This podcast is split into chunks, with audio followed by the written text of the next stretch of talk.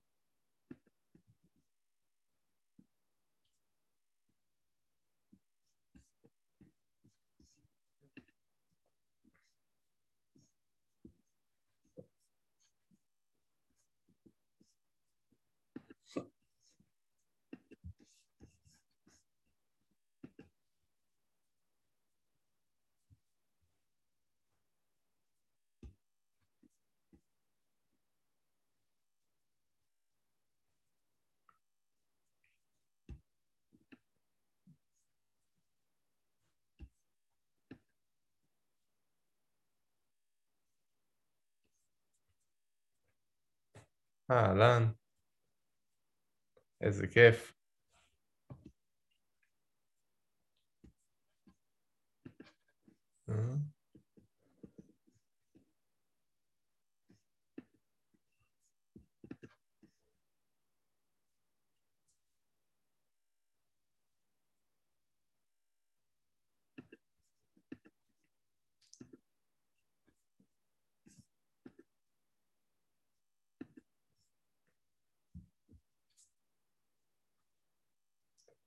מי שפה שירים ידיים. אהלן.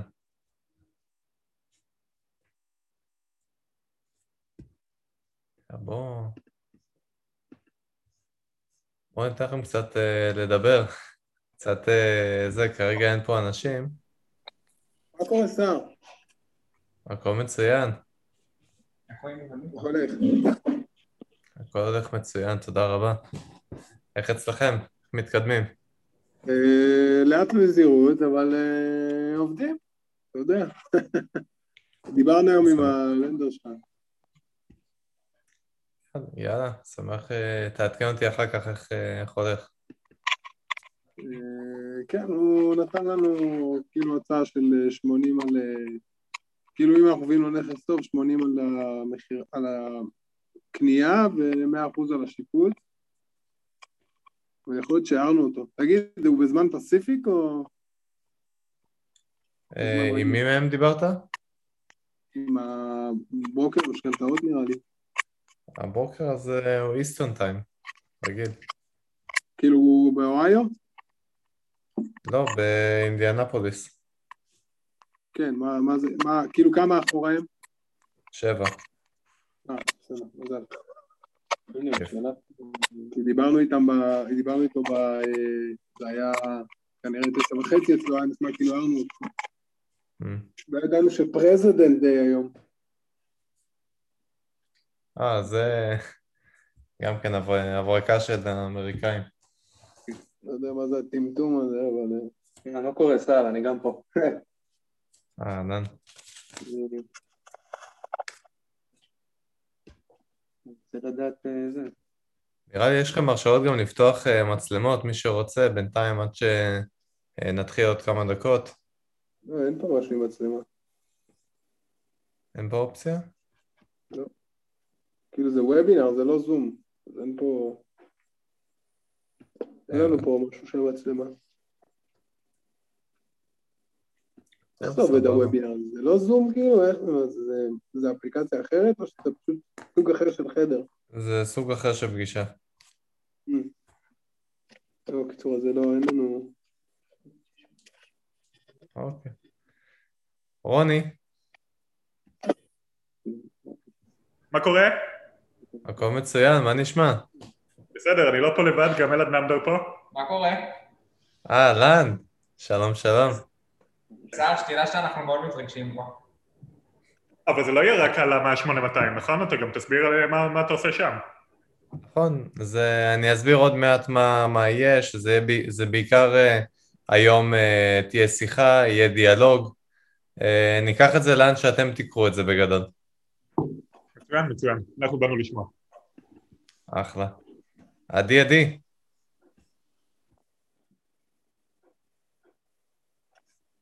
עדי עדי איתנו?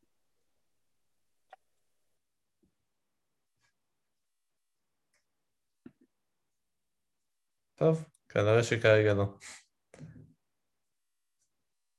טוב, מגניב. אז נחכה ממש עוד אה, שתי דקות, ניתן הזדמנויות לעוד אה, לבוא. זה מקסימום, מקסימום.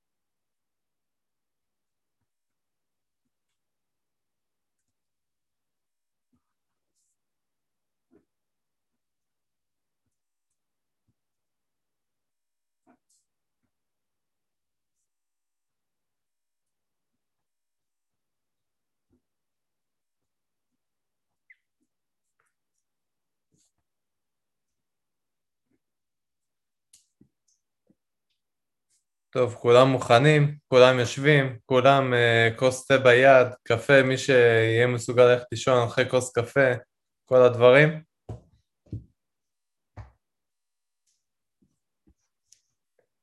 יאללה, אני נתתי לכולכם אה, בעצם את האפשרות אה, אה, לדבר. אה, דבר ראשון, ברוכים הבאים, תודה רבה על זה, על זה שבאתם, אני מאוד מעריך את זה. אה, הוובינר זה יהיה בצורת אה, דיאלוג, אנחנו ננהל שיח, אני בעצם, אה, אני אציג את הסיפור בהתחלה, אה, תרגישו חופשי לעוד שאלות תוך כדי מה שאתם רוצים, ונמשוך את הדיון לאן שיעניין אתכם. אין הגבלה לאיפה נתחיל ולאיפה נסיים. מגניב. כולם מוכנים? בואו תנו לי איזה ידיים למעלה, תגובות כלשהן. יא, אני רואה אצל רוני, אני רואה אצל אה, אה, ניצן ומנחם. אה, יש פה גם ידיים, יפה, עדי עדי, יאללה. מגניב. טוב, אז אה, כאמור אני מודה לכם מאוד שבאתם. אה, הסיפור שלי בעצם מתחיל אה, כש... אה, רון, רוני ואלעד מכירים אותי מהצבא, הייתי איתם בקורס. המשכנו שם לת, אה, לבעצם לצוותי פיתוח שונים. אה, במובן מסוים אני כבר בהתחלה, אני ידעתי שאני רוצה מעבר, אה, בדיעבד אני יודע לומר שלאו דווקא הכי אהבתי את המקצוע, אבל כן אמרתי יאללה ניתן לזה צ'אנס ונעוף על זה קדימה. אה, בעצם הגענו לצוותי פיתוח ב-8200 ואני ניסיתי לאורך כל התקופה, ניסיתי בצורה כזו או אחרת לצאת לקצונה. ובסוף זה לא הסתדר מהרבה סיבות, והייתה לי תקופה מאוד לא טובה שם. אה, ואני התחלתי להסתכל קדימה, לאן אני רוצה ללכת. אה, היה לי רש"צ גיבור, אה, קוראים לו בוקי, והוא הצליח להרים אותי למעלה ולשקם אותי לכדי מה שאני היום. והוא נתן לי משימות קטנות, נתן לי לאט לאט יותר ויותר אחריות, הוא נתן לי באמת את התחושה של יש לי מקום לבטא את עצמי ושאני יכול לעשות דברים גדולים. הגעתי למצב שבסופו של דבר הייתי הרבה מאוד זמן אה, מ"מ אה, רש"צ, אה, כל פעם שהרש"צ טס לחו"ל, אני החלפתי אותו, ניהלתי את הדברים. ואז באתי, הרשיתי לעצמי עוד פעם להסתכל קדימה ולומר, מה אני רוצה הלאה? ואני רוצה הלאה בזמנו, אני מדבר איתכם על סוף 2017 זה היה, אני רוצה להיות יזם, אני רוצה להקים סטארט-אפים, אני רוצה להקים חברות, אני רוצה להקים תאגידים, כל דבר שאני עושה, אני עושה מבחינתי אה, הכי גדול שאפשר, ואין אצלי באמצע, יש אצלי מינוס אלף פלוס אה, שלושת אלפים, אין אצלי אפור. אה, ואז אמרתי, אה, יש לי ניסיון בעולם הטכנולוגי, אני יודע לעבוד עם אנשים, אני יודע מה זה לעבוד בצוות פיתוח, אני לאו דווקא הכי אוהב את זה, אבל אני כן, יש לי ניסיון בזה. במה אין לי ניסיון? ויותר חשוב, במה אין לי ניסיון שאני כן צריך שיהיה לי ניסיון. ידעתי שאני צריך שיהיה לי ניסיון בלנהל אנשים ובלנהל פרויקטים. אמרתי לעצמי, אוקיי, איך אני אעשה את זה? Uh, התחלתי לחתור בעצם בתפקיד של רש"צ. Uh, העניינים התגלגלו, הצעתי את זה לרש"צ שלי בזמנו לבוקי, הוא הציע את זה לרמ"ד, היה, הייתה תמימות דעים יפה ואמרו, וואלה, אנחנו מסכימים, זה יכול להיות ממש מגניב. התקדמנו קדימה וקדימה, uh, יצאתי בדרך לרם 2, חזרתי, נכנסתי לתפקיד רש"צ במקום בוקי ראש הצוות ש... בצוות שגדלתי בו, למעשה. בהגדרה זה היה מקום שהוא היה רק למ"מ רש"צ לתקופה מוגדרת, בסופו של דבר זה היה תשעה חודשים. כשלי הייתה מטרה להפציץ שם הכי הרבה שאפשר, בשביל, רק שנייה, סירי פה קפץ. לי הייתה המטרה להיות הרש"צ הכי טוב שאפשר, ואני באתי לרמ"ד של גנקין בזמנו, אמרתי לו, אני אהיה הרמ"ד, הרש"צ הכי טוב שאפשר בשביל להמשיך אה, ולהתקדם בצוות, כי ככה אהבתי את התפקיד וככה אהבתי את האנשים ואת מה שעשיתי. אמרתי לעצמי אה, שאני אעשה את מה שצריך בשביל להיות הרש"צ הכי טוב. להיות רש"צ הכי טוב זה אומר אה, לנסות הרבה, להעז, ליפול ולהיכשל. וזה קרה בכמויות. אה, ואחרי, אה, לקראת סוף הקדנציה אמרתי לעצמי שאני רוצה, אה, השגתי הרבה מאוד מסקנות לגבי הרבה מאוד דברים, אבל לא יצא לי באמת ניסיון בלעשות אותם כמו שצריך. אז חתרתי לעוד תפקיד של רש"צ, ובעצם הערכתי עוד קבע בשביל לצבור עוד ניסיון בתור מנהל ובתור מנהל פרויקטים, מנהל של אנשים. הייתה לי הזדמנות להקים צוות מאפס, צוות סטארט-אפ אה, בתוך היחידה. אה, זה משהו שלאו דווקא הכי מיוחד, אבל זה משהו שלי היה מיוחד, כי לי היה פה את האתגר, וזה חשוב לומר את זה, האתגר של להקים משהו מאפס ולנצח אותו. עברתי לצוות באזור מאי 2020, אה, סליחה, מאי 2019, ולמעשה נרוץ איתכם שבעה שמונה חודשים קדימה. אני מגיע לדצמבר 2020, מבצענו את ה... מה שלכאורה אה, הקימו אותנו בשבילו, ובנוסף הצוות תפקד, הצוות תקתק, הצוות עבר כמו שצריך. ואני מבחינתי אמרתי לעצמי, אה, וגם אמרתי את זה לרמ"ד שלי בזמנו, לראש המדור, שומע? אין לי אתגר מקצועי.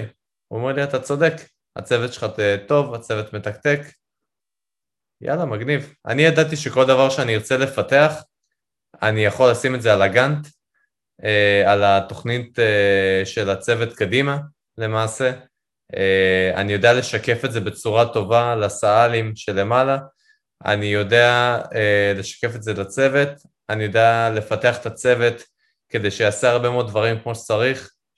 למעשה הגעתי למצב שהצוות גם מתנהל, יש קונספט כזה בניהול שנקרא לנהל בדקה. ליטרלי הייתי מגיע לבסיס, מאוד מאוחר, 10-11 בבוקר, אה, עושים דיילי, פותחים את היום, אומרים מה המשימות אה, של היום, לאן אנחנו מתקדמים, לאן הולכים, מציב את המטרות, מציב את היעדים, מתעדכן על דברים אה, בקטנה, מוריד את תיבת המיילים, אה, שודה, אה, קובע פגישות, וזהו, אחת לשבועיים היה לי קצת פגישות עם סא"לים, חוץ מזה לא יותר מדי. רק פגישות עם החיילים שלי, הייתי הולך, מגיע מאוחר, הולך מוקדם. פנה לי הרבה מאוד זמן פנוי. אמרתי, טוב, מה אני עושה מכאן והלאה? אני לא יכול להישאר עם כל כך הרבה זמן פנוי וגם לא נותנים לנו לרוץ יותר מדי קדימה. התחלתי אה, לרוץ על פרויקט אה, צד, בעצם התחלתי לפתח פיתוח טכנולוגי שאני רציתי לקחת אותו לכיוון של סטארט-אפ. והתחלתי לחקור את השוק, ודיברתי עם אה, מספר חברות. היה שת"פ, שיתוף פעולה שתכננתי לעשות עם חברה מגניבה בהרצליה פיתוח. הגדרתי אסטרטגיה עסקית, דיברתי עם אנשים, הגדרנו POC, סקר שוק, כל הדברים. הגיע הזמן לעשות דברים בשטח, הגיע הזמן לרשום חברה, הגיע הזמן לייצר באמת את השיח עם החברות הרלוונטיות, אה, להתחיל לתקתק את הדברים קדימה. זה היה כבר דרך אגב תוך כדי הסגר הראשון, אנחנו מדברים על חודש מרץ-אפריל של 2020. ופשוט כשבאתי לעשות את הדברים תכלס בשטח, נתקלתי בחוסר חשק לא נורמלי. חוסר חשק של אה, למה אני עושה את זה בכלל? כאילו, כל כך לא, לא כיף לי. אה, ואז זה הכה בי של אין סיבה למה.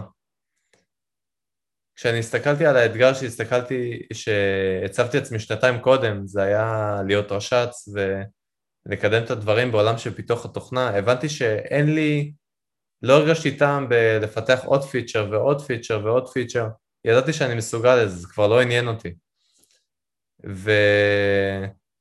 וידעתי שאני רוצה להיות יזם, אבל אני גם הרבה נמצא בשביל, בתוך היזמות, לא בשביל הכסף, אלא בשביל הדרך, בשביל העשייה, בשביל, ה... בשביל האתגר ולהתקדם קדימה, להתגבר על מכשולים. באותה נקודה, אני ראיתי את זה בתור, אני לא רוצה לעשות בפיתוח טכנולוגיה בכלל, היום אני יודע לומר, אני לא רוצה לעסוק בפיתוח טכנולוגיה בצה"ל, שזה שני דברים נפרדים לגמרי. אה, אחותי, אחותי הקטנה קוראת לזה שאם אתה לא עף על הג'ינס בחנות, אתה גם לא תלבש אותו ביום יום. מפה לשם נטשתי את הרעיון. אנחנו בסגר הראשון, המצב בצוות אה, לא היה מזהיר מבחינת זה שהעבירו אותנו ולא נתנו לנו להתקדם, והעברתי את הסגר הראשון. יום אחד מטרגטים אותי בהרצאה בטלגרם, אה, סליחה, לא בטלגרם, בהרצאה באינסטגרם. אומרים, בוא, בוא תתקדם, אה, תסתכל על אה, נדל"ן. אוקיי, מעניין. ידעתי באותה נקודה שמעניין אותי נדל"ן, שמעניין אותי מסחר, מניות, שוק ההון, כל מיני דברים שיצא לי לחקור בקטנה תוך כדי ה... בעצם התקופה שלא עשיתי הרבה בצבא. וגם סגר, אז היינו בבית, אה, ולא יותר מדי דברים אחרים לעשות. תרגטו אותי כמו שצריך. אמרו שר אולי מתעניין בנדל"ן, תיתן לנו הרצאה של נדל"ן. הלכתי להרצאה של נדל"ן ביום שישי בצהריים, אה, אחד באמצע חודש מאי. אה, ההרצאה הייתה מגניבה ממש, זו הייתה הרצאה של קוד הנדל"ן של אלון אולמן ואלעדי פרגן. אמרתי, אוקיי, מגניב. הם הציעו שם, בוא תעשה סדנה של שלושה ימים, כמובן בתשלום, ההרצאה הייתה בחינם, הסדנה לא, אה, ותכיר יותר את העולם הזה. יאללה, אה, אמרתי, יאללה, אלף שקל, זה כלום. שמתי את האלף שקל האלה. עכשיו תתארו לעצמו את הסיטואציה הבאה, יום שישי אחר הצהריים, אני מתקשר לרמ"ד שלי, אומר לו, שומע? כן, אה, כל שבוע הבא, שלושה ימים בעצם, באמצע שבוע, אני מגיע מאוחר והולך מוקדם, תתמודד. זה פלוס מינוס היה השיח. אה, הגיע, הגיע השבוע, ימים שני, שלישי, רביעי, ואז היה את השיעור הראשון, ביום שני בצהר, בערב. ואני זוכר שהרגשתי את ההרגשה הזו עוד פעם, את ההרגשה שלה. אני, אני מכנה את זה הרגשה של הניצוצות, הרגשה של אני לא מצליח לישון בלילה. אני ליטרלי, אה, באותה תקופה הייתי עושה אימוני בוקר, הייתי מתעורר בחמש בבוקר, הולך לישון בתשע בערב. אני ליטרלי זוכר את עצמי שאני הולך לישון, ערב רגיל, ומנסה לישון, ומחשבות רצות בראש לכל כיוון. ועוד רעיון ועוד רעיון ועוד רעיון, ואני לא מצליח להירדם בסופו של דבר.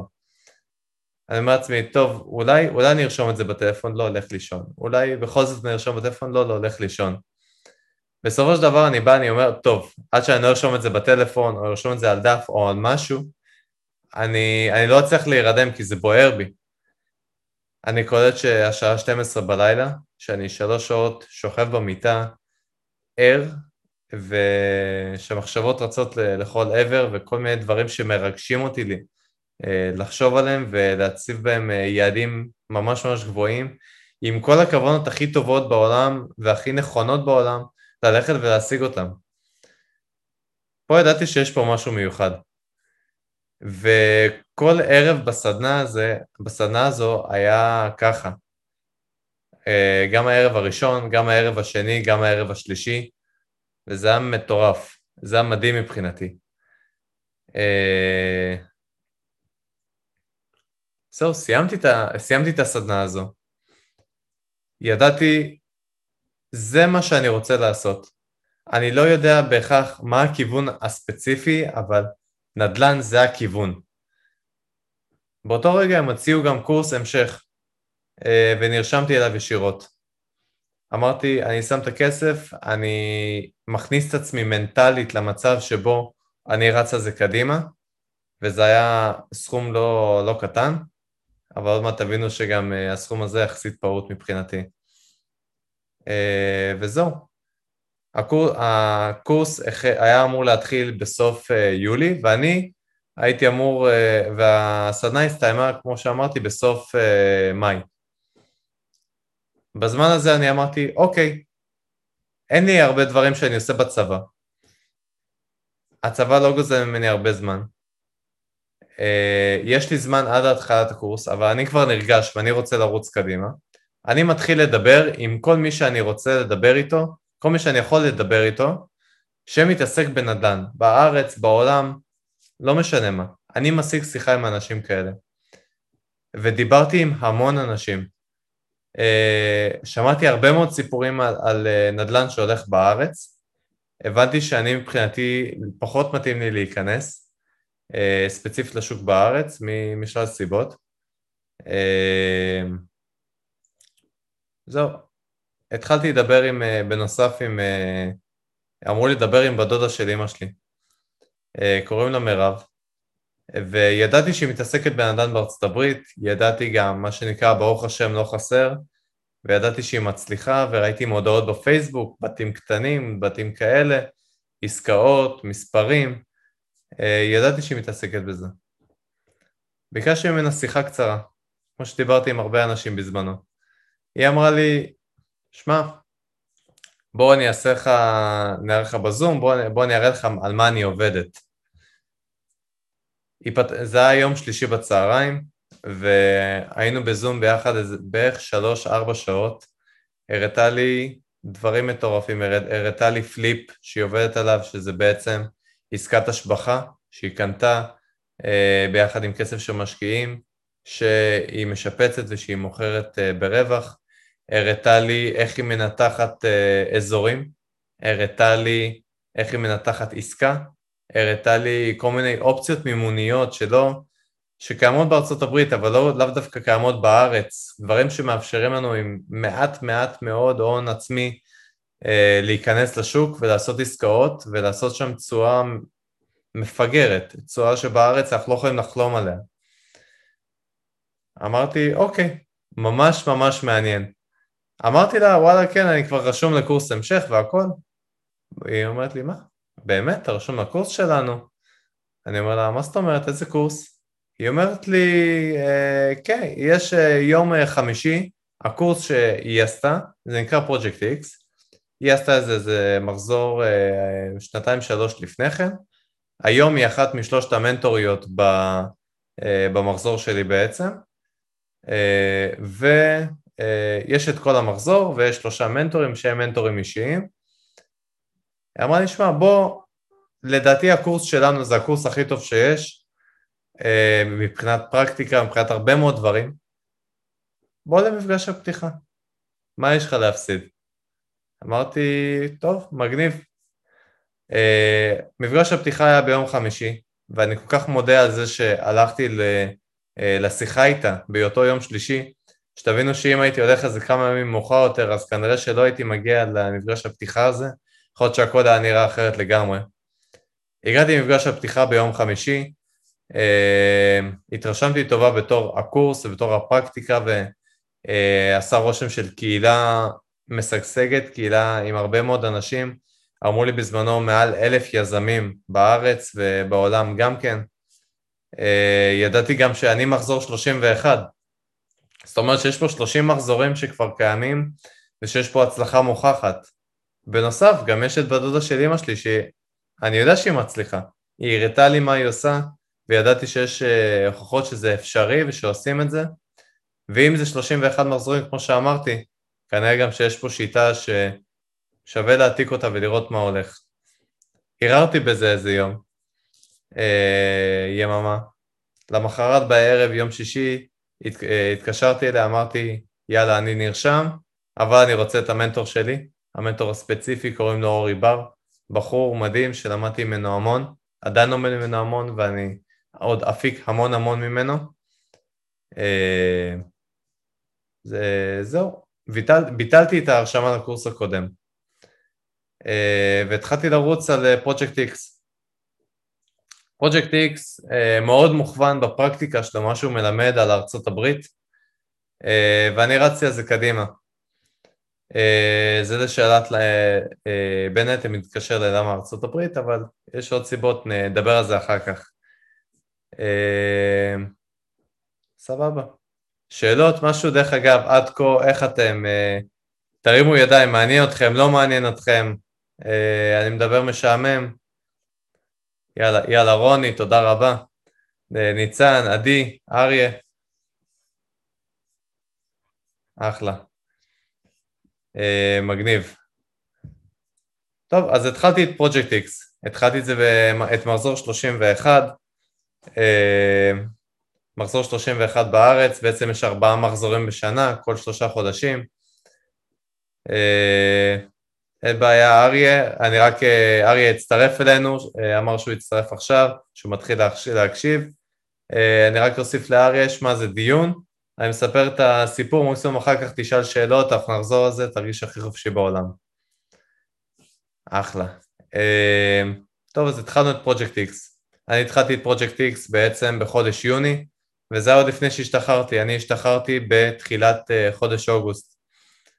אה, התחלתי לרוץ קדימה, אה, אבל בעצם הדברים לא באמת התקדמו. אני, יש לי בעיה, איזה אתם יודעים מה, זה לא בעיה, זה אתגר ספציפי שאני מתמודד איתו הרבה לפני פרויקט X, וכרגע זה פשוט משהו שאני צריך לשים לב אליו, שאני עדיין שם עליו הרבה מאוד דגש, וזה עניין של ניהול הזמן שלי. למרות שהיה לי חפשש מאוד יפה של הרבה מאוד ימי חופש, כי בכל זאת קורונה ולא טסתי לחו"ל, והיו לי חופשות uh, צבורות וכל הדברים, uh, לא הצלחתי באמת להגיע למצב שאני יושב על, ה, על הקורס, שאני באמת מתקדם במערכת הלימוד. מה שאני מתכוון במערכת הלימוד זה שהקורס הוא, בשונה מהרבה מאוד קורסים אחרים, אה, הוא מאוד מוכוון פרקטיקה, אני תמיד נוטה לומר שהוא 95% פרקטיקה, 5% תיאוריה. זה לא כמו שאר הקורסים של בוא נעשה לך חודשיים, שלושה עכשיו, תעבור הרצאות ותעבור תכנים, ואז תתחיל לעשות דברים. לא. בפרויקט X יש מודולים, יש uh, i9, יש מערכת לימוד. מלמדים אתכם קצת על uh, דברים, ואז יש משימה תכלס בשטח, וככה מתקדמים. משהו שאני מאוד אהבתי בהתחלה, דרך אגב, זה ששלושת המודולים הראשונים, אחד מודולים של אני כיזם, אני כעצמאי, מה החזון שלי, מה המטרות שלי, למה אני עושה את מה שאני עושה, ואיך אני מנהל את הזמן. שמבחינתי זה היה מודול מאוד משמעותי. אבל אחר כך כל מה שהולך, נגיד במודול המקצועי הראשון, זה מודול של אזור עבודה. מלמדים אותנו כמה, אה, כמה דפים, מה זה אומר אזור עבודה, איך מנתחים אזור עבודה. אה, ואז אומרים לנו, אוקיי, הנה טבלה, אה, אנחנו צוות ההדרכה, בדק וניתח מספר אזורים, אלה האזורים שהם טובים ליזמים מתחילים. שימו עשר דקות טיימר, רבע שעה, תרשמו לנו באיזה אזור אתם עובדים ולמה. ככה. ואחר כך מלמדים אותנו מודול חמש על האתרים המקצועיים. איזה אתרים אה, עובדים איתם, איך מחפשים מוכרים מוטיבציוניים, מה זה מוכר מוטיבציוני. ואז אומרים לך, יאללה, תכלס, לך תביא, ב- יש לך חצי שעה גג, תביא 15 מודעות של מוכרים מוטיבציוניים. מגניב. מודול הבא, מלמדים קצת על אה, שיחות לארצות הברית, מערכות יחסים, מה זה אומר? לימדו, כמו שאמרנו, 95% פרקטיקה, 5% תיאוריה. לימדו אותנו כמה פרקים. ואומרים, יאללה, לכו תעשו 10 שיחות לארצות הברית. ומשם בונים את זה. אחר כך זה בואו תגישו הצעות, אחר כך זה בואו תהיו תחת חוזה, אחר כך תנתחו, שיפוץ, איך אתם מתקדמים, וכן הלאה וכן הלאה. אה, וזהו, אני למעשה השתחררתי באוגוסט, כשכבר הייתי בתוך העניין הזה. הייתי כבר בתוך ההכשרה עצמה. אה, עד אוגוסט לא התקדמתי יותר מדי, אה, בעיקר מפאת בעיות של ניהול זמן, שהתחלתי לתת על זה boost literally בשבוע הראשון שהשתחררתי, ולמעשה תיעדתי כל דבר בזמן שלי שאני עושה, לאן זה הולך, לאן זה מתקדם, כמה אני משקיע. אצלי זה היה literally 6.00 עד 6 ו-10, אה, הלכתי לשירותים 6 ו-10 עד 6 ורבע, הייתי ברשתות חברתיות 6 ורבע וכן הלאה. מה שזה גורם דרך אגב, זה תשומת לב לכמה זמן אני משקיע על דברים שאני מבזבז בהם את הזמן שלי.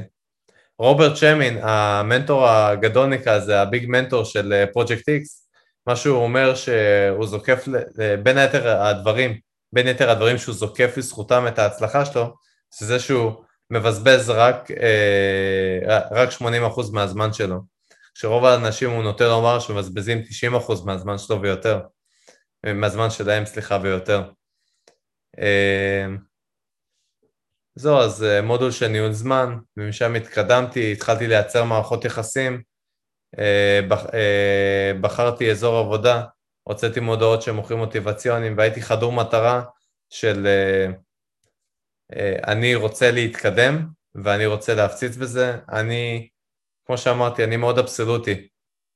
אין אצלי באמצע. אני כל דבר שאני עושה, אני עושה או מינוס 200 או פלוס 3,000, או שחור או לבן, אין אצלי באמצע.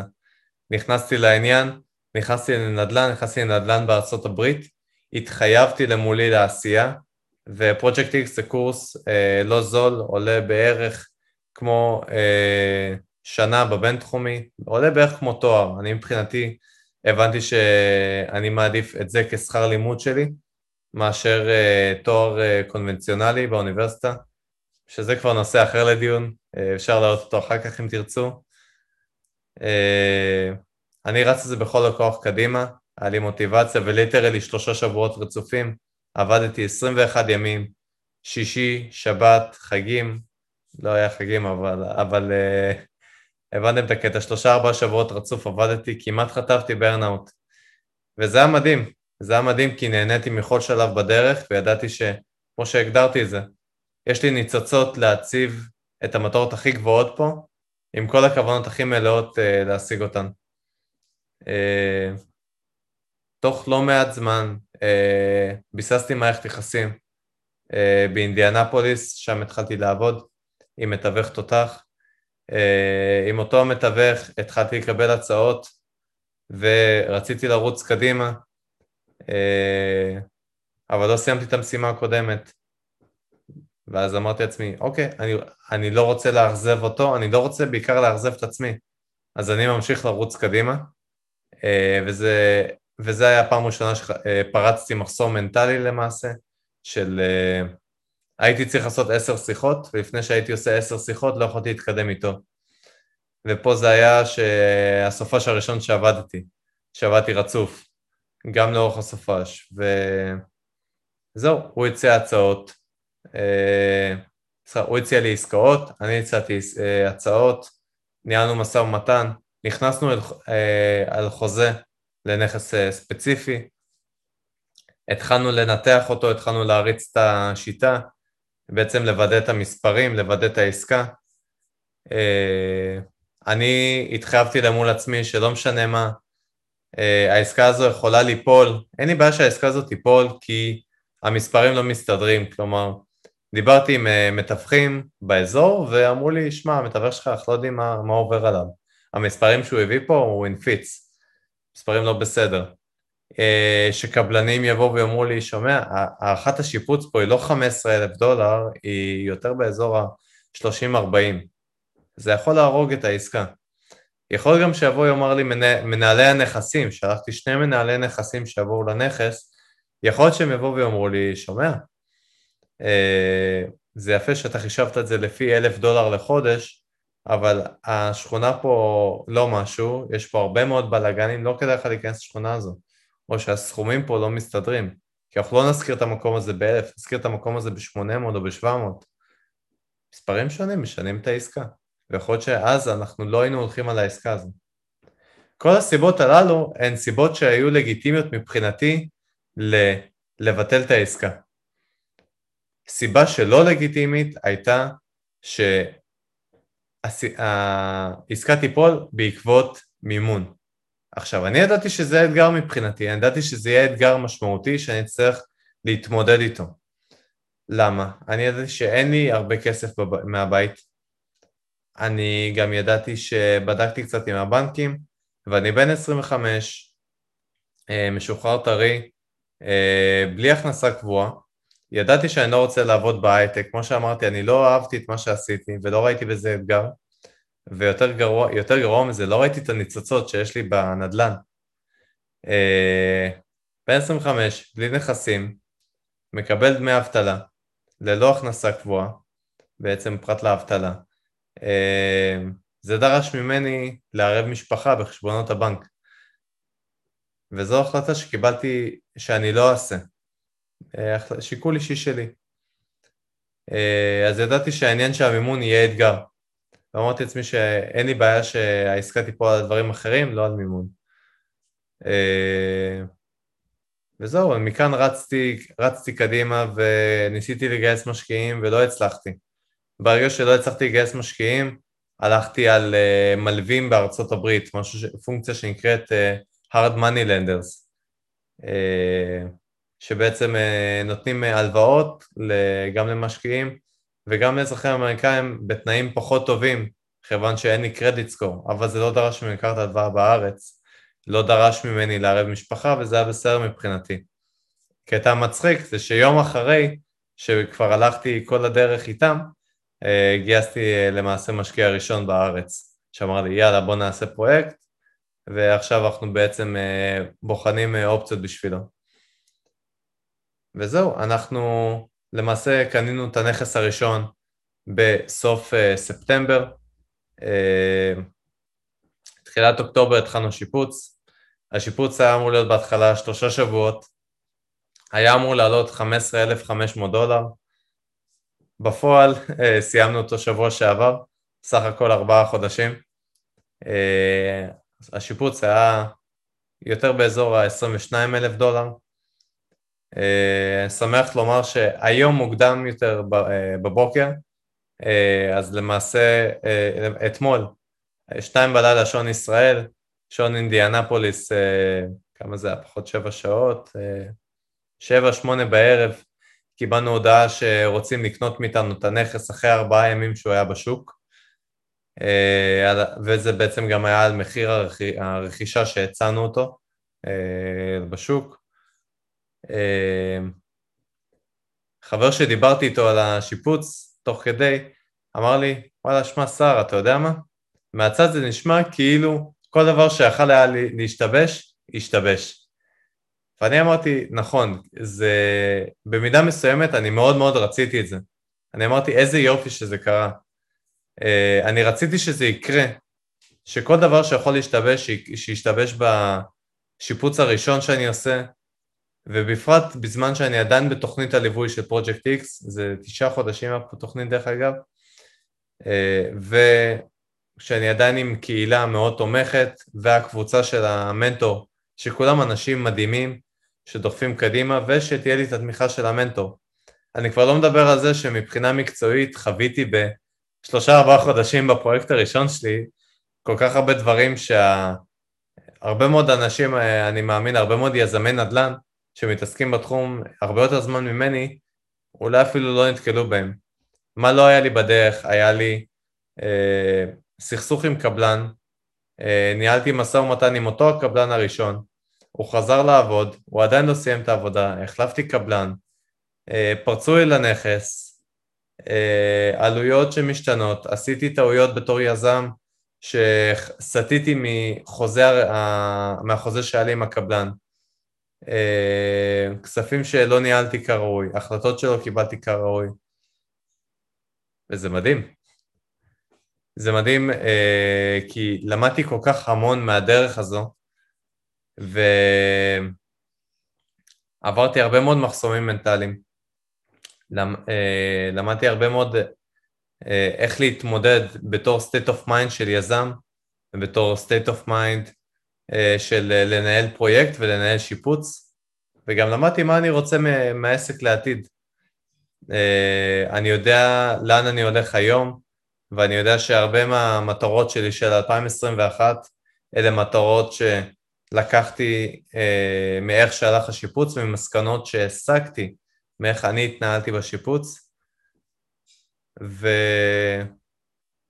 וזהו, זה היה החלק שלי עד עכשיו.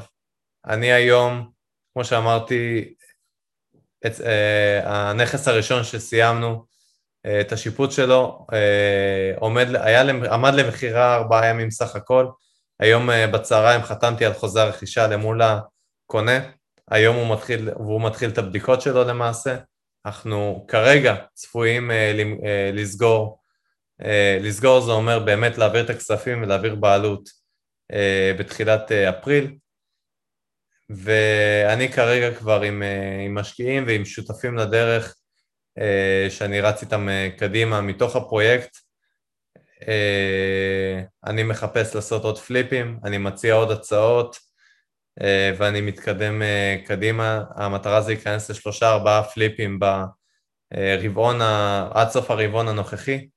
אה, המטרה של 2021 זה לפתח את העסק של הפליפים למצב שיש לי מישהו בשטח שהוא לגמרי מיושר אינטרס איתי ושהוא שותף. אני לא יודע אם זה יהיה באחוזים בחברה שלי, אני לא יודע אם זה יהיה בחוזה מאוד שמן כפרילנס, אני לא יודע אם הוא פשוט יועסק אצלי ויקבל משכורת מאוד יפה.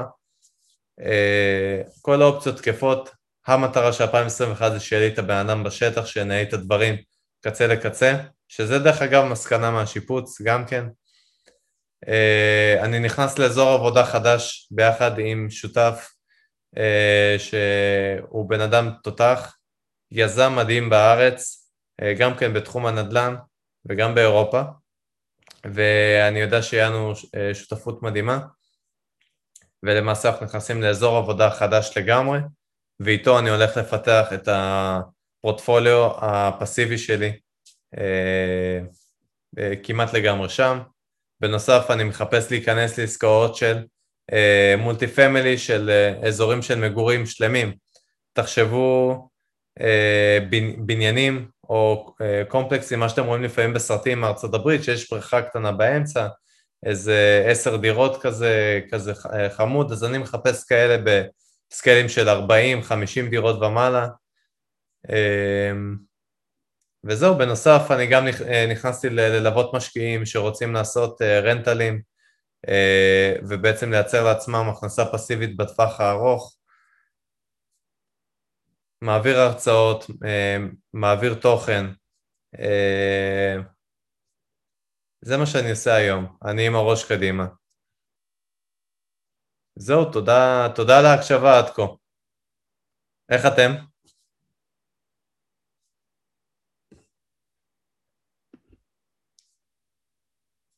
אחלה. טוב, מגניב. אז uh, עכשיו מגיע החלק המהנה שבו אם יש שאלות, תרגישו חופשי. אוקיי, אריה וקסלר. אה, בוא, אריה, אתה רוצה לדבר בקול רם?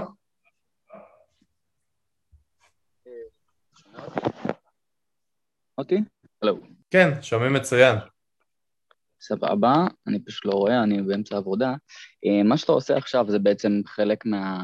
מהשותפות שלך בפרויקט איקס, אני פספסתי את כל הקטע, הבנתי שאתה עובד באינדיאנפוליס וכן הלאה. הייתי רוצה כמובן אה, לשמוע עוד, אבל אה, בסדר, מה, מה, מה המטרה בעצם של, של מה שקורה עכשיו? המטרה של מה שקורה עכשיו, אז כמו שאמרתי, פרויקט X זו תוכנית ליווי, זה לא אה, כמו, סמי, כמו אה, נקרא לזה קורסים אחרים של בוא תראה הרבה מאוד אה, תכנים, אה, בוא תעבור כל מיני הרצאות ואז בסוף תצא לעולם. פרויקט X זה משהו מאוד פרקטי, זה 5% תיאוריה, 95% אה, עשייה. אה, כל אחד לוקח את זה לאן שהוא רוצה.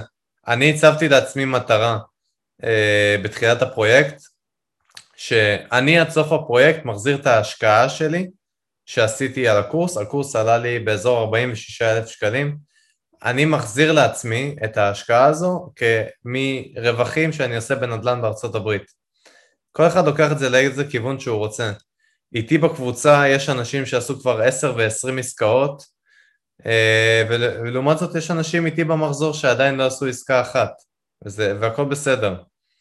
אה, הפרויקט X לא מכתיב לך מה אתה עושה, מה אתה לא עושה, פרויקט X נותן לך את הכלים ונותן לך את המעטפת בעצם אה, לגרום לדברים האלה לקרות. זה עונה על השאלה או שאתה מחפש חידוד משהו יותר ספציפי? התכוונתי, הוובינר עכשיו שאנחנו עושים, זה okay. אוקיי. חלק מהפרויקט שלך? זאת אומרת, זה, זה משהו שאתה החלטת, אמרת, וואלה, אני עושה משהו, משהו שמעניין אותי, ואני רוצה לשתף הלאה, להעביר הלאה, אולי למצוא איזה שותף פוטנציאלי, אני אומר שזה גם אה, איזו אופציה שחשבת עליה. אוקיי, okay. אה, uh, אז אתה שואל אם הוובינר הזה ספציפית, או התוכן שאני מפיץ, הוא חלק מהפרויקט? Uh, התשובה היא שכן ולא.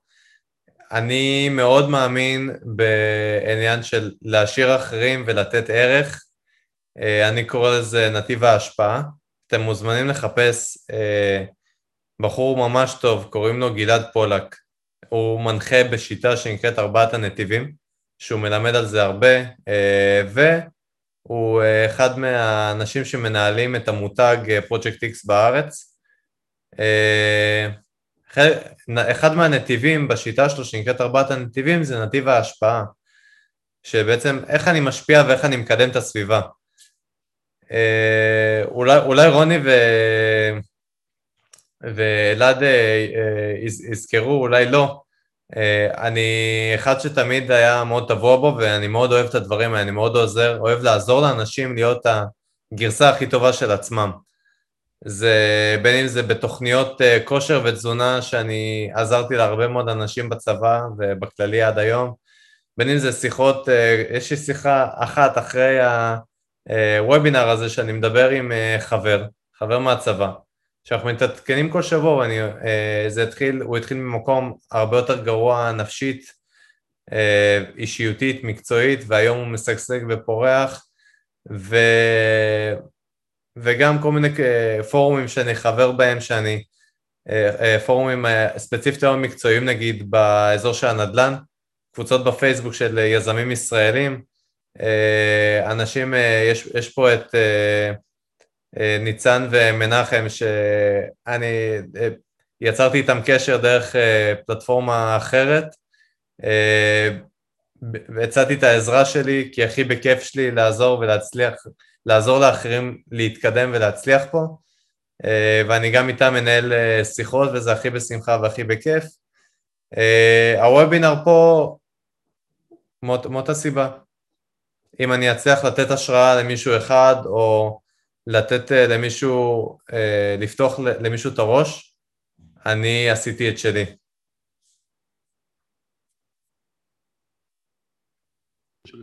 אפשר גם לשאול? כמובן, רק שנייה, אריה, הכל אה, אה, הבנת או שיש אה, המשך? כן, כן, מעולה. אני גם כן הייתי, הייתי בהתלבטות הזאת איזה תקופה, הייתי קצת בחו"ל, האמת, טיילתי וחזרתי לארץ, התחלתי לעבוד קצת עם רימקס, ואז בנושא של המימון, התחלתי לחשוב עם עצמי מה, מה אני עושה הלאה, ודווקא בשלב הזה אמרתי, אוקיי, אני חוזר להייטק, ארוויח קצת, ואז, ואז נחזור לעולם הזה. אבל uh, כל הכל לעבוד לך על, ה... על היוזמה והמרץ שאתה ככה לוקח מ-0 ל-100 בלי, בלי לפחד, מה שנקרא. יפה. בשמחה, ואני אה, אשאיר את הפרטים שלי כמובן, אה, ואם אתה צריך ייעוץ או איך להתחיל את הדרך ולאן להתקדם, או אם אתה כבר בתור דברים, תרגיש הכי חופשי בעולם. סגור? מאה אחוז, תודה. בשמחה. יאללה, רוני. כן, אה, יש לי שתי שאלות, בעיקר בעניין של עבודה אל מול, אל מול ארצות הברית. אז דבר ראשון, למה להשקיע בארצות הברית ולא בארץ? אמרת שבחנת את שני, את שני הנושאים והחלטת בארצות הברית, כאשר אני מניח שטיפה יותר קל, טיפה בכל זאת יותר קל בארץ גם אם הרווחים פחות משמעותיים, כי יותר קל לייצר קשרים. ואם בכל זאת כבר החלטת ללכת על ארצות הברית בגלל הסיבות שתגיד בהמשך, אז למה להישאר, למה להישאר בחוץ? למה כאילו לא גם להעתיק את המגורים שלך לארצות הברית בשביל להקל על כל הקשר, להישאר בארץ? שאלה מצוינת, אה, שאלות מצוינות. אה, נתחיל מהשאלה הראשונה, אתה שאלת למה ארצות הברית בעצם, נכון? נכון, כן. אוקיי, אז אני מצאתי שבארצות הברית יש לך רגולציה מאוד מאוד חזקה. Uh, אני יכול, uh, סתם, אתה יודע, דוגמה מלפני שעה קלה, uh, אני רוצה לזהות מתי פעם אחרונה עשו החלפה של גג ב, בנכס שאני בודק אותו, אז אני יכול, יש לי גישה למידע הזה והמידע הזה ציבורי, שזה משהו שלאו דווקא קיים בארץ. אה, זה דבר ראשון. דבר שני, התשואות בארצות הברית הרבה יותר משמעותיות. סליחה, אם בארץ אתה מדבר על אה, שכירויות של במקרה הטוב 3-4 אחוזים על אה, דירות להשקעה, סליחה, בארצות הברית אתה מדבר, אנחנו יכולים לדבר גם על 7-8 אחוזים מינימום. בנוסף לכך שאני כבר לא מדבר על זה שדירה בארץ, במחיר שאתה קונה דירה בארץ, אתה קונה בארצות הברית פורטפוליו. או שאתה קונה בניין עם אה, מספר דירות. אה, זה מעבר לכך, שזה גם קרץ לי. וקרץ אה, לי השטיק שבדודה של אמא שלי הביאה לי כל מיני אופציות מימוניות שקיימות בארצות הברית, שלא קיימות בארץ, נגיד סתם משהו שנקרא owner financing. אם בארץ אתה יכול לקחת אה, הלוואה לקניית הדירה, למעשה, או יותר נכון, יותר מקובל לקחת את ההלוואה הזו מבנק. אה, אז בארצות הברית אפשר לעשות משהו שאומר, אני לוקח את ההלוואה מהבעלים. ואז אני בא ואומר, אוקיי, הנכס שלך, בוא נסכם שאני משלם לך סתם 50 אלף דולר. אני יכול לשלם לך את כל ה-50 אלף דולר, או שאני יכול לשלם לך עכשיו 10 אלף דולר, ולשלם לך עוד uh, את 40 אלף דולר הנותרים בתנאים מסוימים שאנחנו נחליט בכל חודש, קדימה. מה זה אומר? זה אומר שבפועל הבאתי uh, הון עצמי של 10 אלף דולר והשאר התשלומים משלמים את עצמם. כי בעצם אם אני משלם uh, 200-300 דולר בחודש uh, לבעלים של הנכס, לבעלים המקורי, ואני מקבל שכירות של אלף דולר בחודש, אז אתם מבינים שהשכירות משלמת את עצמה? אז זה, זה לשאלתך למה אני רואה את ארצות הברית, אה, ומבחינת ההזדמנויות שבה, אני גם מאנה מאוד פיננסי, ואני אוהב את השטיקים האלה, אז אה, זה מאוד נתפס על זה ומאוד אהבתי את זה. עניתי על השאלה או שקצת פספסתי? לא, ענית, ענית בדיוק ממש על... מה שרציתי להבין, ואז זה משאיר, ואז זה עוד יותר אה, מחזק את השאלה השנייה. השאלה השנייה, אתה אמרת, למה אני לא מעתיק את מקום מגוריי בעצם? כן, הסכמנו שכנראה זה טוב יותר אה, למשקיעים, אה, למשקיעים להשקיע בהתחלה בארצות הברית, אולי אחרי זה בהמשך גם בארץ, אז למה לא למקסם? אמרת שאתה עושה את הכל שלושת אלפים במקום מינוס אלף. זה נראה נכון, אז אני רק אני אתן פה disclaimer, אין פה אה, יותר טוב ופחות טוב, זה יותר מתאים לי ויותר מתאים למישהו אחר. אמרתי, אני מבחינתי יותר מתאים לארצות הברית, יש הרבה שמתאים להם לעבוד בארץ וזה בסדר. אה, למה לא לעבור הברית? כי זה לא מסתדר עם החזון. אה, א', אני לא פוסל. יכול להיות שזה יקרה. אני כרגע בחזון שלי, דרך אגב, אה, אחת מהסיבות שרציתי ללכת לנדל"ן, זה, שכחתי לספר את זה באמת, אני הבנתי שאני רוצה חופש, ושאני רוצה חופש כלכלי. חופש מבחינתי זה אומר לחוות חוויות ולהתקדם בדברים שאני באמת, באמת אוהב להתעסק בהם. אני מאוד אוהב לטייל בעולם, אני אוהב אה, לחוות חוויות, ללכת אה, פסטיבלי מוזיקה של Tomorrowland וללכת לטפס, לעשות טרקים בנפאל. אני רוצה לחוות חוויות, ואני רוצה משהו שמאפשר לי את החופש לעשות את זה. מה שנטוע בזה זה חופש כלכלי, ונדל"ן מאפשר בין היתר לבנות את זה לטווח הארוך. זה בלי קשר, שכחתי לציין מקודם, תודה שהזכרת לי. בנוסף לכך, העיסוק בנדל"ן וספציפית כשאני בונה עסק נדל"ני שהוא מחוץ לארץ, אז אה, זה בעצם מגדיר שכל מקום שאני אהיה עם חיבור לחשמל וחיבור לאינטרנט, אני אוכל לעבוד בו. שזה אחלה מבחינתי. אני סתם אזרוק שאני, כרגע התכנון זה שעוד חודשיים, שלושה, עוד שלושה חודשים בערך, אני עובר לגור בברצלונה. יש לי דירה, אה, סבא וסבתא של אה, חבר, חבר טוב, אה, שנינו בקטע של, אה, שנינו יזמים בנפש ושנינו רוצים לעבור לגור בחו"ל, יש לסבא וסבתא שלו דירה, אמרו לנו יאללה בואו, אתם רוצים? כן. כרגע יש חוזה לשנה, נרצה, נאריך, לא נרצה, לא נאריך. יכול שאני אחזור לארץ, יכול שאני אמשיך לטייל באירופה, יכול להיות שאני אטוס לארה"ב ואני אעשה שם Euro, אה, לא Euro trip, שאני אעשה coast to coast ותוך כדי אני אעבוד. בלי קשר, אני הולך לטוס לארה"ב, אה, אני מחוסן כרגע עם החיסון הראשון, עוד איזה חודש אני אהיה כבר אה, כשיר לטוס ולחזור בלי בידוד. אני גם אטוס לארה"ב לבראות מה העניינים שם. לא, לא פוסל את האופציה של לעבור לגור שם. אבל בינתיים אני, המטרה זה לייצר עסק ש, שאני עובד מהחוק, על מנת שאני אוכל להתקדם ולהמשיך לעבוד, לטייל בעולם תוך כדי. שזה חלק מהחזון שלי בכללי לאיך אני רואה את החיים שלי קדימה. ודרך אגב, אה, אמרתי, ציינתי את זה בקטנה, המטרה שלי של 2021 זה לייצר את הבן אדם בשטח שינהל לי את הדברים קצה לקצה. למה? הבנתי מהשיפוץ שאני צריך מישהו בשטח שינהל לי את העניינים. הבנתי שאני רוצה לייצר פה חופש וחופש כלכלי. אני לא רוצה לנהל hands on כל, את כל השיפוצים שאני עושה. אני רוצה שיהיה לי החזון לעסק של הפליפים זה פליפים כהשקעה פסיבית. אני מבחינתי עוד שנה יש לי את הבן אדם שמתעסק בזה קצה לקצה, זה אומר שהוא בודק לי עסקאות, זה אומר שהוא מציע לי הצעות, זה אומר שהוא מתכנן את השיפוץ, אה, הוא, מנה, הוא מנהל את השיפוץ, הוא מנהל את הקבלנים בשטח, הוא רואה שהעבודה מתבצעת לפי ההתקדמות. אולי גם משחרר כספים, אה, נותן מענה טקטי. צריך לסגור פה, צריך להביא איזה איש מקצוע, צריך לקנות פה אה, אה, כלים למטבח, כל מיני דברים כאלה. אה, אני רוצה שיהיה את הבן אדם הזה שעושה לי את זה קצה לקצה. למה? כי אז מה נשאר לי לעשות? לי נשאר יותר אה, לנהל את העסק מלמעלה ולהתעסק בצד האדמיניסטרטיבי יותר, אולי בצד של המשקיעים, בצד של לייצר תוכן. אה, אלה ביחד משתלבים לחזון של אני רוצה להיות חופשי וחופשי כלכלית. אני, רוצה, אני לא רוצה להיות עבד בעסק שלי. אני לא, אני לא הלכתי להייטק כי אני לא רוצה להיכנס לכלוב אה, מזהב. וזה כלוב, מבח... אני מגדיר את זה ככלוב מזהב, אני מגדיר את זה בתור מקום עם תנאים מצוינים, שעושים הכל כדי שתישאר.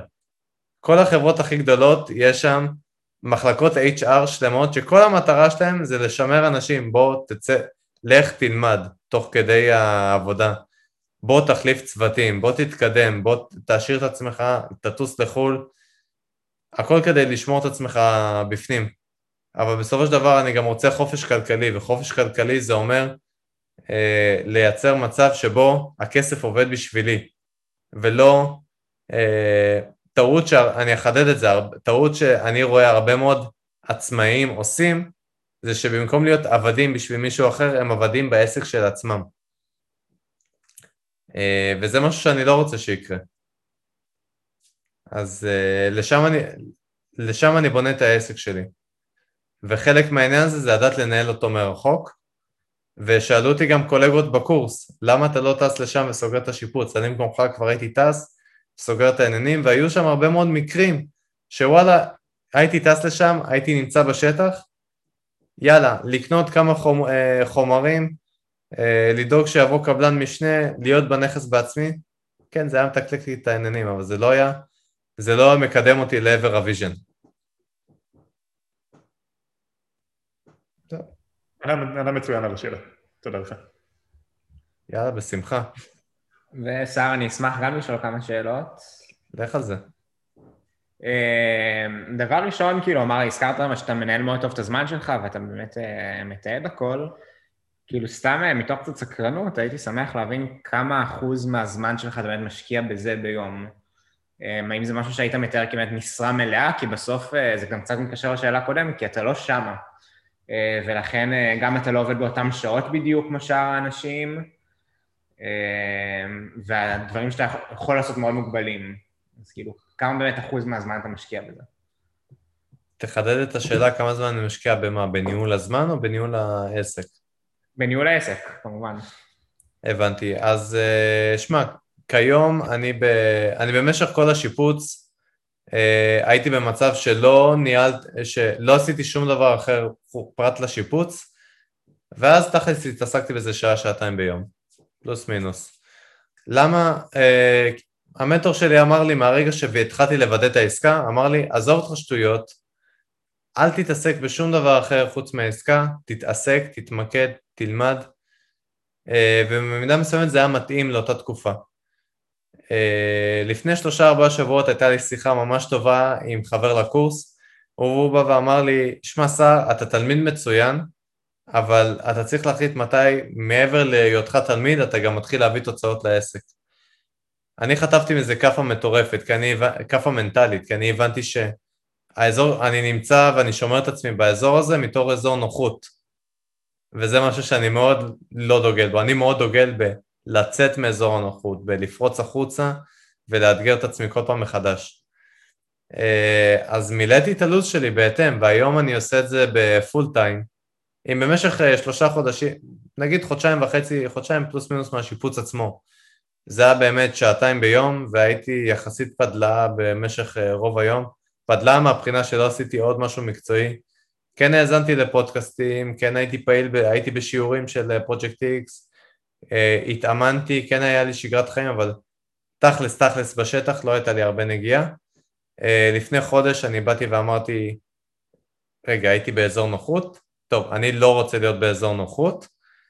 אני לאט לאט אה, העליתי והעליתי סקיילים, והיום אני מנהל את הזמן אה, כמו שצריך, כאילו אני, היום ה business, לא, אני מנהל ב-100% את ה business, וזה כל מה שאני עושה.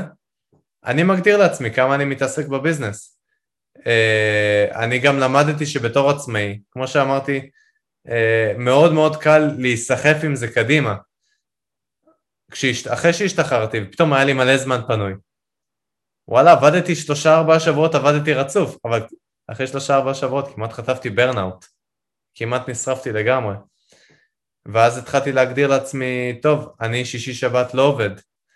אה, והתחלתי להגדיר לעצמי, אוקיי, אני, כאילו אני, זה היה לי מאוד ברור שאני מקפיד על האימונים ועל שעות השינה, שזה מאוד מאוד חשוב לי.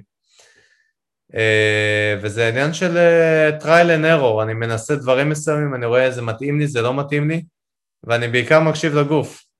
אני יודע, נגיד, סתם, שאני השבוע, אני אחרי שבוע שעבר, אני הבנתי שמאוד לא מתאים לי להעמיס יותר מדי משימות בו זמנית.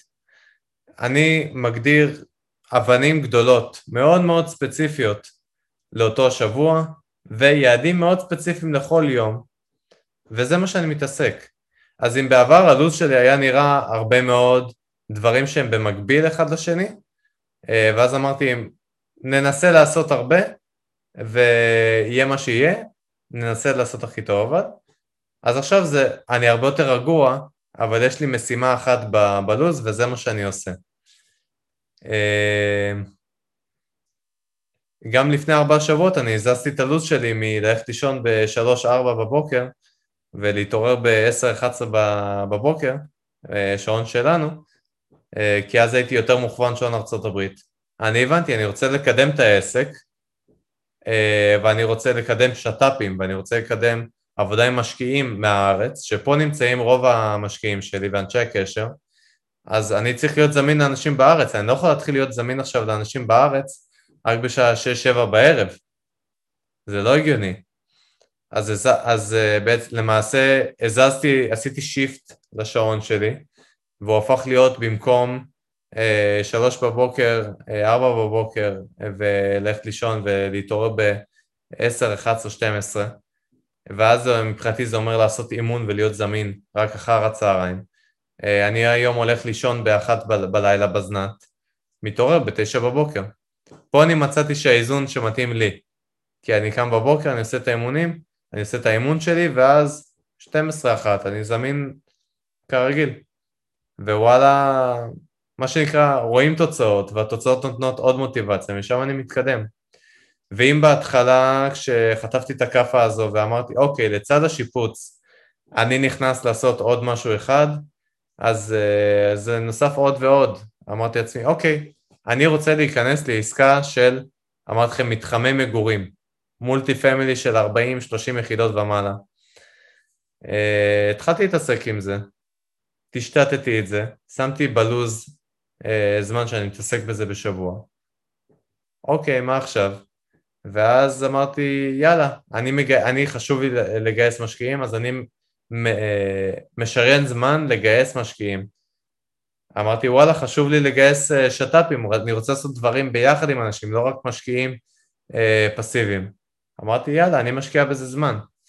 אה, דיברתי עם בחור, עם השותף החדש שלי, ואמרתי, אוקיי, אנחנו, אם אתה רוצה להיכנס בתור משקיע אקטיבי, הוא לא רוצה להיות משקיע פסיבי, הוא רוצה להיות יזם, הוא רוצה ללמוד ולהתקדם ולבנות ביזנס משעצמו. אמרתי לו, אוקיי, פה זה אומר להיכנס לאזור עבודה חדש. מפה לשם אני גם עובד באזור עבודה חדש. אה, אז השאלה זה פשוט מה היעדים שאני מציב לעצמי, מה האבנים הגדולות שאני מגדיר, ואני משבץ את זה לאורך השבוע.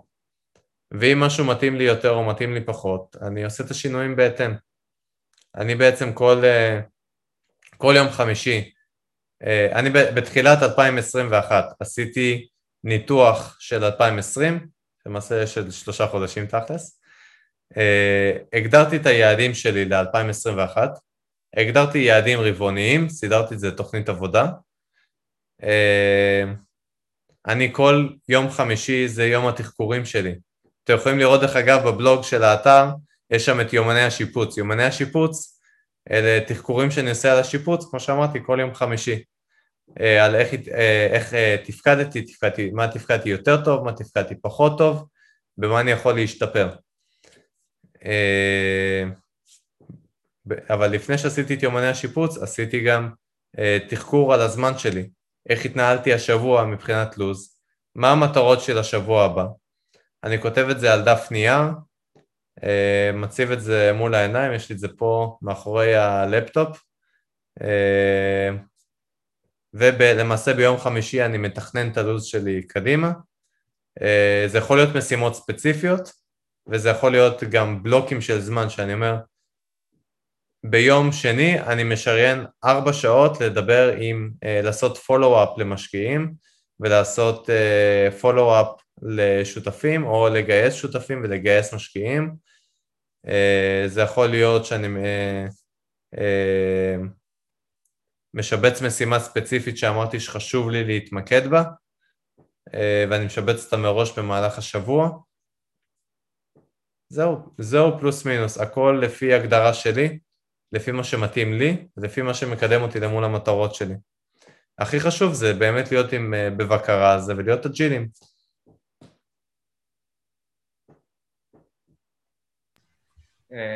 אוקיי, תודה רבה. יש לי עוד אה, כמה שאלות. אמ, כאילו, אני לא חושב שאפשר להתכחש, נקרא לזה, לסיכון שיש במה שאתה עושה.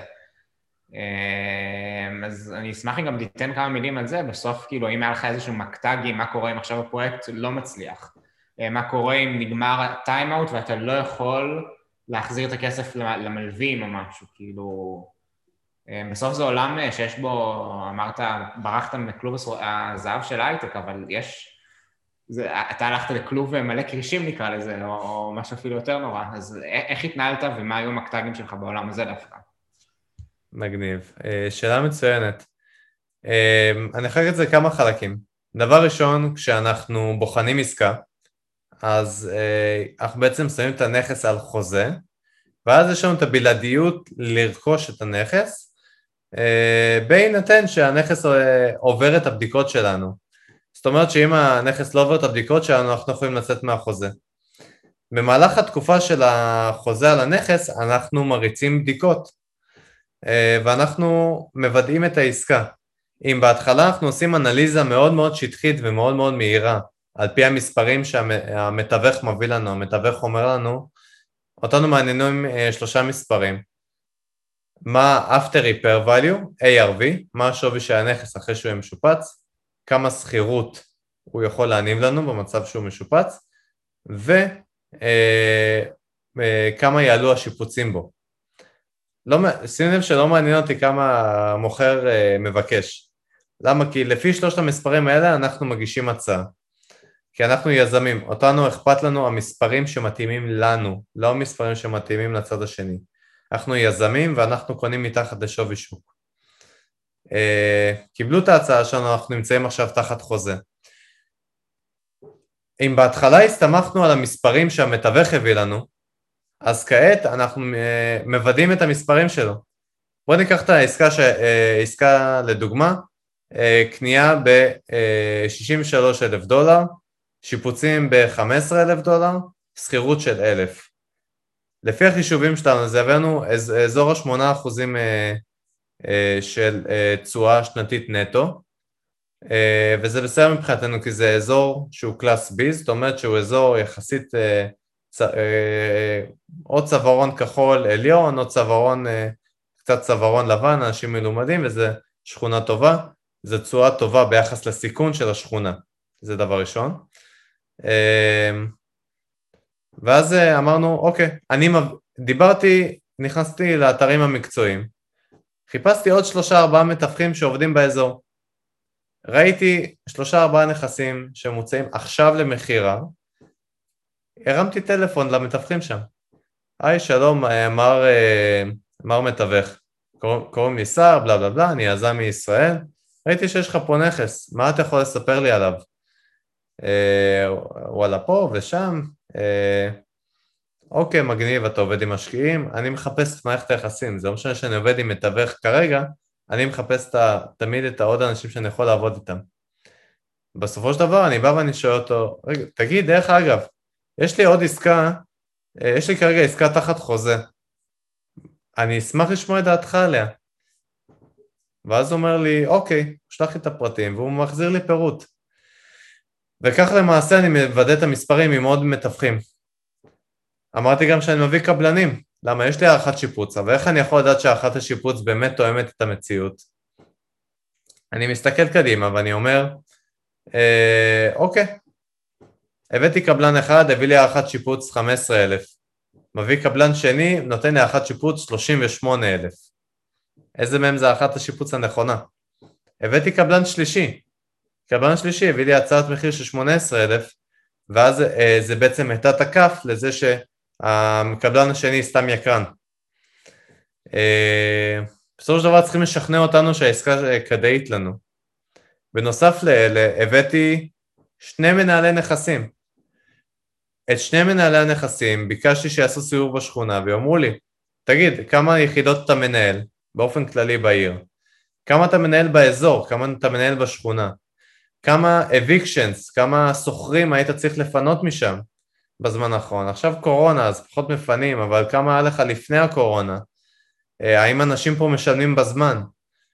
אה, וכמובן, איזה שכירות אתה יכול לגבות פה. והם מביאים את המספרים ומאמתים את המספרים שלי פעם נוספת.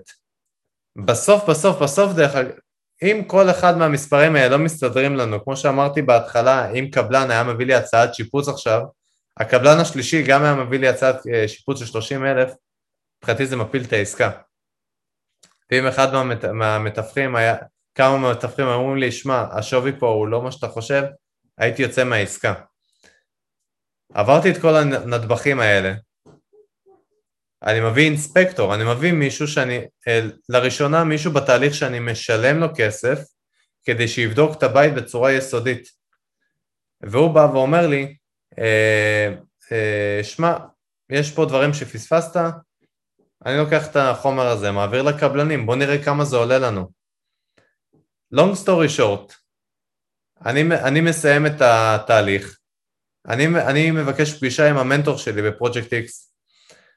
המנטור שלי, אני יודע שאני אציג לו את כל המספרים, ואני ידעתי איפשהו בלב, הוא ישאל אותי, וואלה, תגיד סער, מה, מה תכלס דעתך? מגניב שהרצת את המספרים. הגדרתי לעצמי מתודה מסוימת, אני קורא לזה מבחן הסבא והסבתא.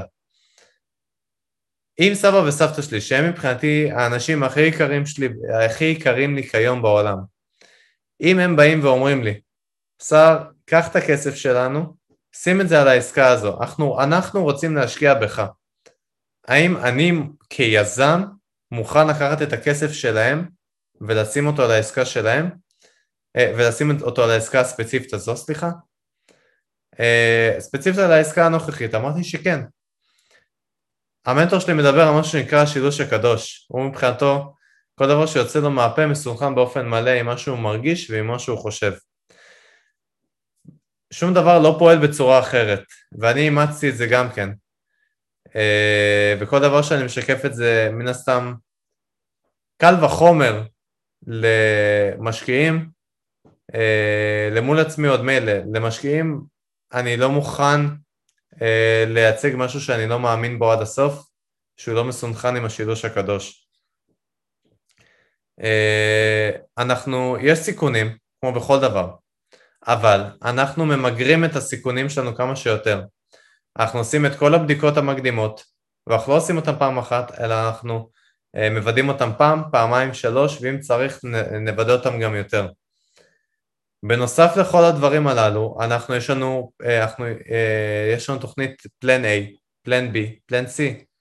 אני מבחינתי אני אשתף אתכם שאני עשיתי פליפ. כלומר, קניתי נכס, שיפצתי אותו, ואני עכשיו, אה, עכשיו על חוזה לקראת מכירה ברווח. למה עניין אותי השכירות? כי הפלן בי שלי זה שאם אני לא מצליח להסק... אה, למכור אותו, או אתה יודע, בוא ניקח דיזסטר אה, עולמי, 2008 מחירי הדיור נחתכים עכשיו ב-80%. במקום השווי שלו ששערכנו אותו ב-120, אנחנו, נב... אה, מחיר שלו ירד ב-80%, כלומר, השווי שלו יחתך עכשיו ב-90 אה, אלף דולר גס. אז מה, אני אמכור אותו עכשיו ב-30 אלף? מה פתאום? אני אפסיד על זה כסף.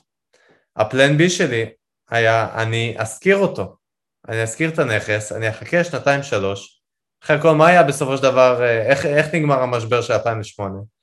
יום בהיר אחד ב-2009, 2010, השווקים פשוט התחילו לעלות. נדל"ן, דרך אגב, מבחינת האופי שלו, זה השקעה סולידית. אתם יכולים לראות גם גרפים של 2008. הגרפים של נדל"ן לאורך זמן עולה עולה עולה, 2008 יש נפילה, ואז מתאושש לאורך זמן. נדל"ן תמיד לאורך זמן מתאושש ועולה בערך שלו. אתם יכולים, זה, יכולים לראות את זה גם במחירים בארץ, גם מחירים בארצות הברית. אה, האופי של נדל"ן כהשקעה הוא השקעה סולידית. זה לא כמו שוק מניות שיכול להתרסק עכשיו, וזה מאוד משנה, אתה נכנס, אה, לא נכנס, ואתה לא יודע אם מה שיתרסק בהכרח יעלה. נדל"ן, מה שמתרסק בהכרח, אני לא אגיד בהכרח, סביר מאוד להניח שיעלה בהתבסס על מה שהיה בהיסטוריה, על, על כל המשברים הכי גדולים שהיו עד כה, גם לפני 2008 דרך אגב. יכולים לחפש את זה באינטרנט, תראו את כל הגרפים האלה. אה, חזרה לענייננו, יש לנו תוכנית A, אני אמכור ברווח, תוכנית B, אני לא אצליח למכור ברווח, אני אשכיר את הנכס, אני אעלה מעליית אה, הערך שתהיה בו, ספציפית אני גם מחפש נכסים באזור של עליית ערך, אה, אז אני יודע גם, אה, יש לי צפי מסוים לפי דברים שהיו בשנים קודמות, איך הנכס יתקדם, יש לי גם פלן C, שאם אני, וואלה, לא מעניין אותי הנכס, אני רק רוצה להתקדם הלאה, לא מעניין אותי השכירות, אז אני אמכור את הנכס בתור נכס להשקעה, כלומר, אם עכשיו אני מוכר את הנכס למישהו שהוא קונה ביתי, מישהו שהולך לגור שם, אה, אני, אה, ו, וזה לא מתממש, אז אה, אני יכול להשכיר, ואם לא זה, אז אני יכול למכור אותו למשקיע אחר, ישראלי, אמריקאי, פורטוגזי, אנא מישהו שייקח ממני את הנכס, והוא יפיק ממנו תשואה, אבל הנכס לא יהיה איתי. ופה זה כל אחד והניואנסים הקטנים שלו, ואני יכול גם למכור את כל החברה, כי בסופו של דבר החברה מחזיקה את הנכס, ואם אני לא רוצה אה, למכור את הנכס אה, עצמו כי אני לא רוצה להתעסק בזה, או שמישהו בא ואומר לי, לא מתאים לי, אבל מתאים לי כן לקנות את החברה, זו גם אופציה. כלומר, אני גם מוודא את העסקה על, אה, על כל הצדדים שבה, אני ממגר, אני מגדר מאוד מאוד יפה את הסיכון שלי. כל דבר שלא מתאים לי, אני יוצא מהעסקה.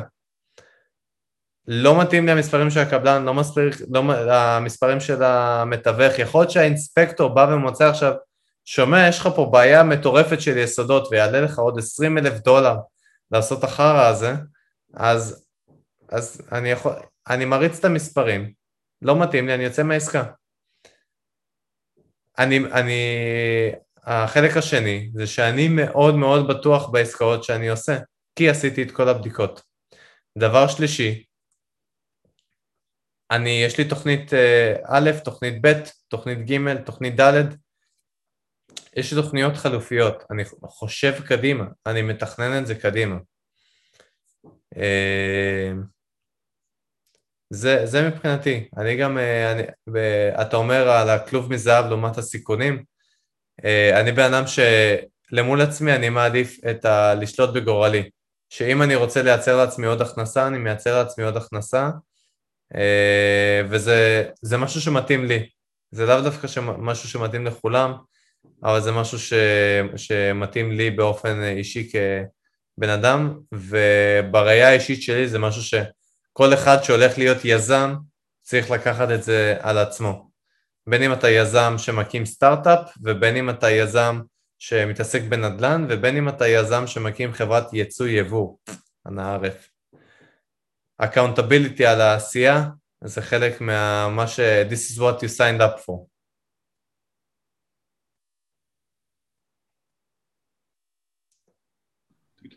תודה רבה. בשמחה. אה, יאללה חבר'ה, עוד אה, שאלות, דברים שמעניינים אתכם. שלחתי לך בצ'אט, אה, אני אשאל פה, מאיפה אתה מגייס משקיעים ואיך אתה יודע על מי אפשר לסמוך? זאת אומרת, יש איזה אפיקים מסוימים? מה, איך התהליך הזה עובד? זאת אומרת, זה נשמע כמו איזה קופסה שחורה. האמת, הגדרת את זה מאוד יפה, שאלה ממש טובה איך מגייסים משקיעים, באילו אפיקים. התשובה זה שאין תשובה נכונה. צריך פשוט לנסות, ולהתקדם משם קדימה. אני אה, פשוט התחלתי לפנות לאנשים בקבוצות אה, בפייסבוק, אה, שראיתי שהם מתעניינים, להציע להם את עזרתי, ולחתור לשיחה ולהתקדם משם. אה, יש עניין של אה, אה, word to mouth, אה, פה לאוזן. אה, שוואלה, אני אדבר עם ה...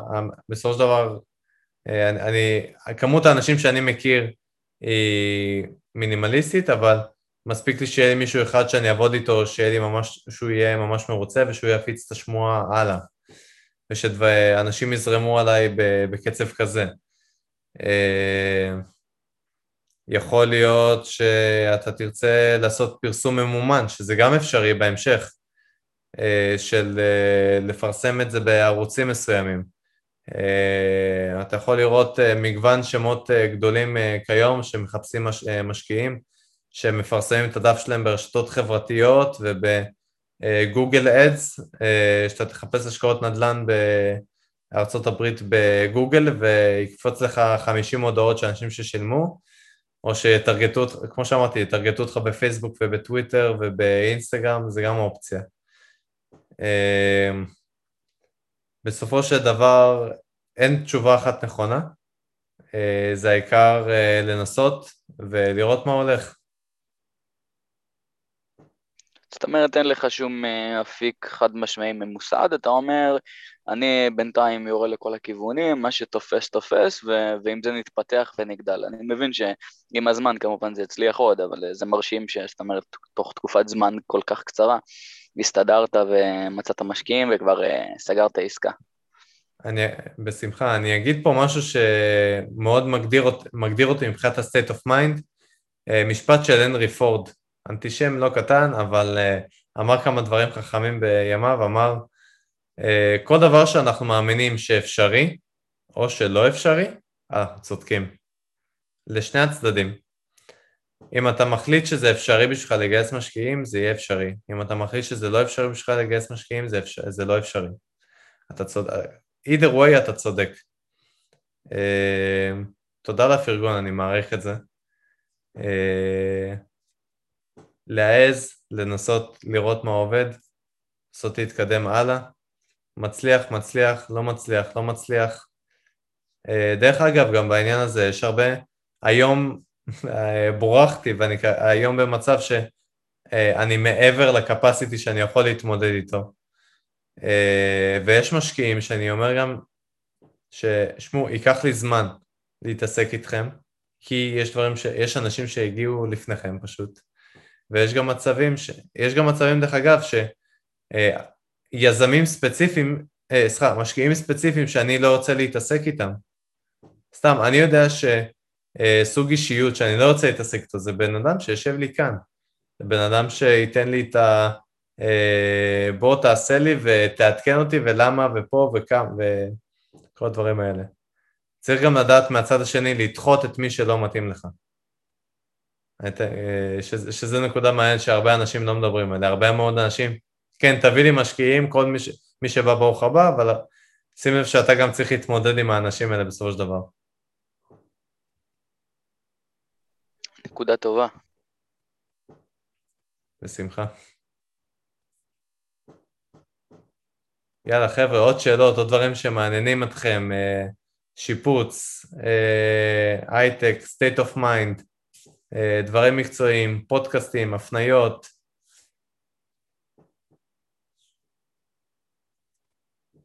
אחלה. אז חבר'ה, אני מקווה שזה יהיה בסדר שאני אפרסם, כמו שאמרתי, אני מאוד מאמין בלהעביר את זה הלאה, ויש אנשים שלא יכלו להצטרף היום, אני מאוד אשמח להעביר את זה הלאה אליהם גם כן. האם זה בסדר מבחינת כולם? כמובן שאני אעביר. אה, ושאני אה, אפרסם את זה באתר, שאני אתן לאחרים גם כן לשמוע ממה שדיברנו פה היום, כנ"ל על השאלות ועל הזמנים. בסדר גמור, מבחינתנו. אחלה. אה, אריה, אתה גם דיברת, מנחם, ניצן. זכותך המלאה שלך. תודה רבה. ניצן, מנחם, טודו בום? כל הכבוד, ותודה רבה על העצות שנתת לנו. אה, תצליח, וגם אנחנו. אה, לגמרי. עדי עדי, אה, הייתם שקטים, אבל אה, נשמח לשמוע אתכם אם אה, בא לכם עכשיו, ובאופן כללי, אם יש עוד שאלות, אה, תרגיש חופשי לרשום בפרטי. אה, ו... אמרת שתציג את הפרטים שלך, פרטי קשר, ו... אמרת איזשהו אתר, אז גם אם תוכל לשתף אותו. אין בעיה, אז בואו אני עכשיו אשתף אותו באמת. האתר נקרא 8stateinvest.com שנייה. אה, שנייה, אני אפרסם, אשלח לכם פה. אה, באתר גם יש את כל פרטי הקשר שלי, וגם אתם יכולים לראות שם, יש בלוג שאני מאוד גאה בו, אה, שאנחנו מתחזקים שם כל מיני תכנים אה, גם אה, מקצועיים, גם state of mind, גם אמרתי פודקאסטים מסוימים שאני מאזין ואני מסכם. רק שנייה אני אביא שם. יומני השיפוץ, פרויקט מגניב שאני התחלתי לעשות תוך כדי בשביל להפיץ לקבוצה של המנטור, ובסופו של דבר הגעתי למצב שאני אה, אומר וואלה, כל כך הרבה יכולים אה, אה, לשמוע פה, אז שאני אני מפרסם את זה עכשיו אה, בפרקים, לאט לאט. אה, אז פה האתר, יש למעלה כניסה לרשימת התפוצה, אה, שברשימת התפוצה בעצם פשוט כל פעם שאני אפרסם דברים, אתם תקבלו את זה ישירות אה, למייל.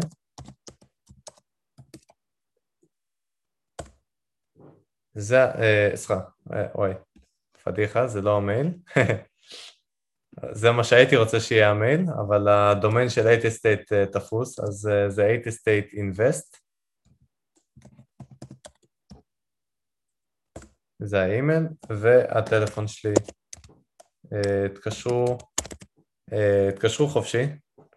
אה, אם אתם רוצים, דרך אגב, לתאם, מנחם וניצן פה כבר מתורגלים, שלחו לי הודעה, תנסו להתקשר, אם אני עונה, אני עונה, אם לא, שלחו לי הודעה, בשמחה נתאם שיחה ואני אעזור במה שאפשר.